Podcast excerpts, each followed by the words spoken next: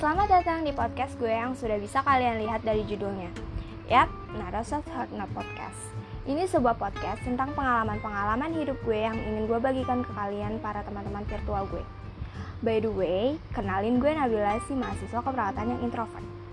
Oke, di episode ke-1, gue akan berbagi cerita ke kalian kenapa gue memilih menjadi mahasiswa keperawatan.